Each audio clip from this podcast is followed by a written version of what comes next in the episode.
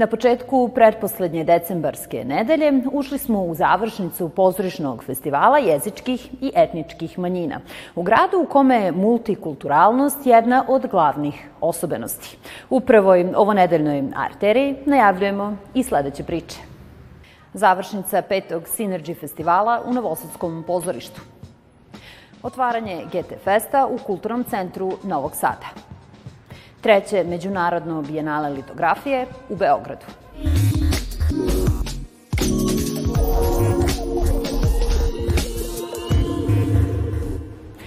Međunarodni festival Synergy u Novosadskom pozorištu okončan je predstavom Bura, nastalom u saradnji Art Terrari i teatrom NTD.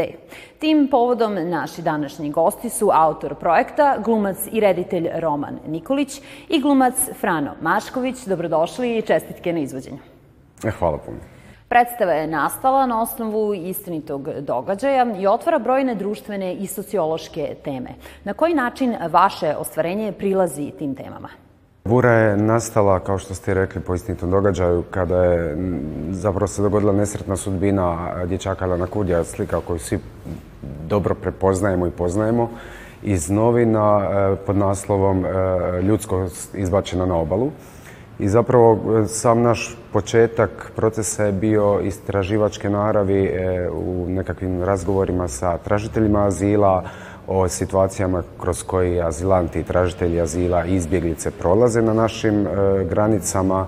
I nekako smo iz toga pokušali sklopiti priču koja je zapravo nije samo tragična sudbina tog dječaka, već svih ljudi koji su nažalost e, svoje živote izgubili, a i svoje emotivne živote prelazeći granice i pokušavajući e, doći do nekog boljeg svijeta za svoju djecu i za sebe. Sa kojim osjećanjima i ličnim nemirima se glumac suočava kada radi ovako angažovanu predstavu?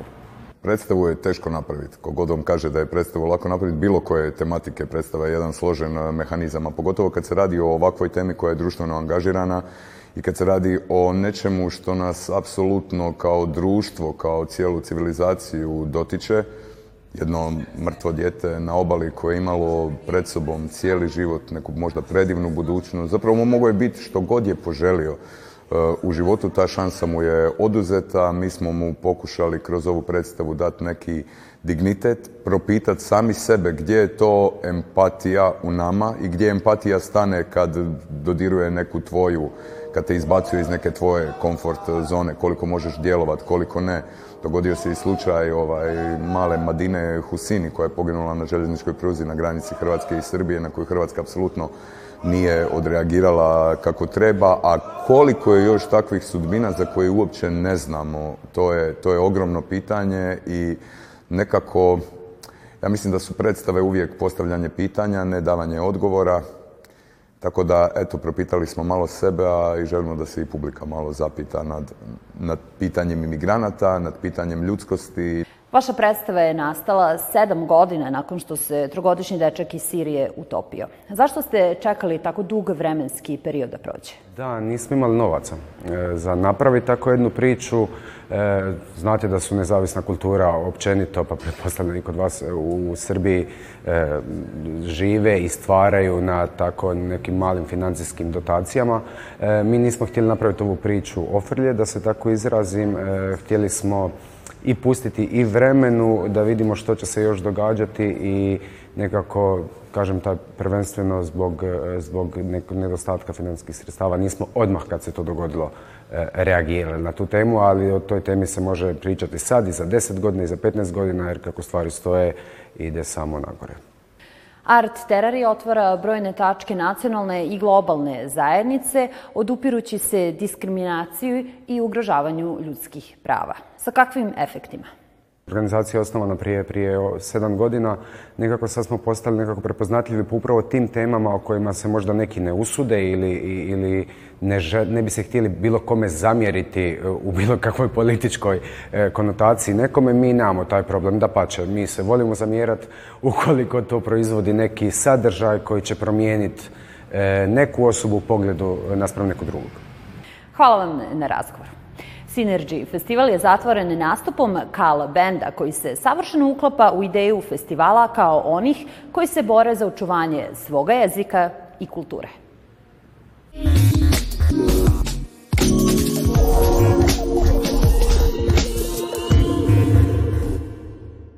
U art bioskopu CK13 ciklus filmova o rizičnoj ljubavi počeo stvarenjem Blue Valentine, a kojim filmom je počeo GT Fest u Kulturnom centru Novog Sada, otkriva nam Ivana Petrović.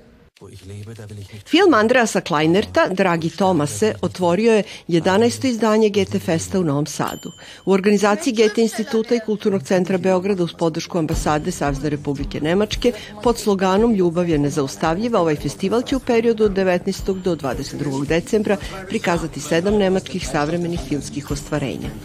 Prvi u nizu prikazan večeras predstavlja omaž Tomasu Brašu, uzbudljivo i stvaralačkoj ličnosti na umetničkoj mapi istočne i zapadne Nemačke, anarhisti koji je provocirao društvo, a koji je kod nas, nažalost, nedovoljno poznat. Film Dragi Tomase bio je nominovan u devet kategorija za nagradu Zlatni medved 2022. godine, između ostalih i za najbolji igrani film, najbolji scenario i najbolju režiju. To je film kakav se u Nemačkoj ne da često videti.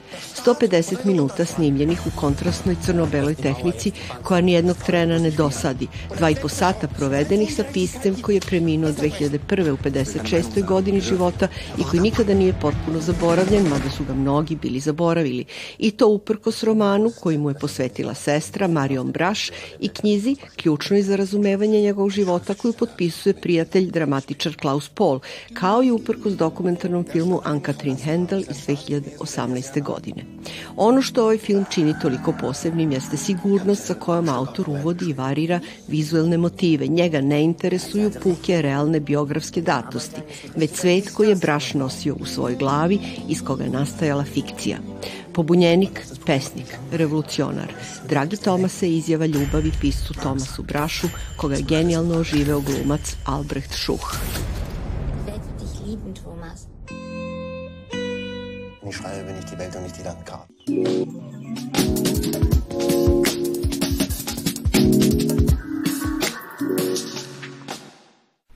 Litografija je više od dva veka stara grafička tehnika ravne štampe. Zaslužna je za razvoj masovne reprodukcije slika, najpre umetničkih, a kasnije i za razvoj plakata. Kasnije se ova vrsta grafike odvojila kao primenjena grafika sprem umetničke grafike. Dakle, e, litografija je zaslužna takođe i za razvoj offset štampe, koja je danas neizostavna i možemo reći sve prisutna i ne možemo da zamislimo ništa bez ilustratora danas, a litografija je tu imala i takako udela. Na konkurs su pristigle 54 prijave iz 18 država. Izabrano je 30 dela. Nagrađene su britanska umetnica Serena Smith, italijanka Selena Bartanjini i poljski umetnik Andrzej Vohnjik. Imamo totalnu raznolikost e, i različitosti. To su možda dve ključne reči ove izložbe, od abstraktnog preko realizma do nekih umetnika koji su radili grafike i prikazali mitologiju iz svojih zemalja. Pre svega, gledala se profesionalnost u radu, kako likovna, tako, pošto je ovo specifična tehnika, gledali smo i e, tehničku superiornost autora. Beogradsko međunarodno bijenale litografije jedina je svetska smotra koja okuplja litografe. Izložbu u ustanovi kulture Parobrod možete pogledati do 14. januara. 19 autora, pojedinaca ili grupa pod svodovima Savremene galerije u Subotici tokom decembra ove i januara sledeće godine. I jedan sinonim, afera, Tanja Juričan iz Pančeva i Ivana Ivković iz Beograda treću po redu artikulaciju posvetile su upravo aferama, odnosno viđenjima, relacijama i korelacijama njihovog stvaralaštva sa onim što ta reč označava u prošlosti i sadašnjosti naših ljudi. Ovo je daleko širi pogled na društvene afere, na sve ono što je nasleđe života u ovim okolnostima, nasledđe života u savremenom svetu i pogled umetnika na ono što su nekakve akutne tačke bola, ne samo u našem društvu, već i u e, današnjem trenutku u celini. Umetnici vas pitaju gde je veći nadzor u današnjem kapitalizmu s kamerama na svakom ćošku ili u totalitarizmu made in iza gvozdene zavese.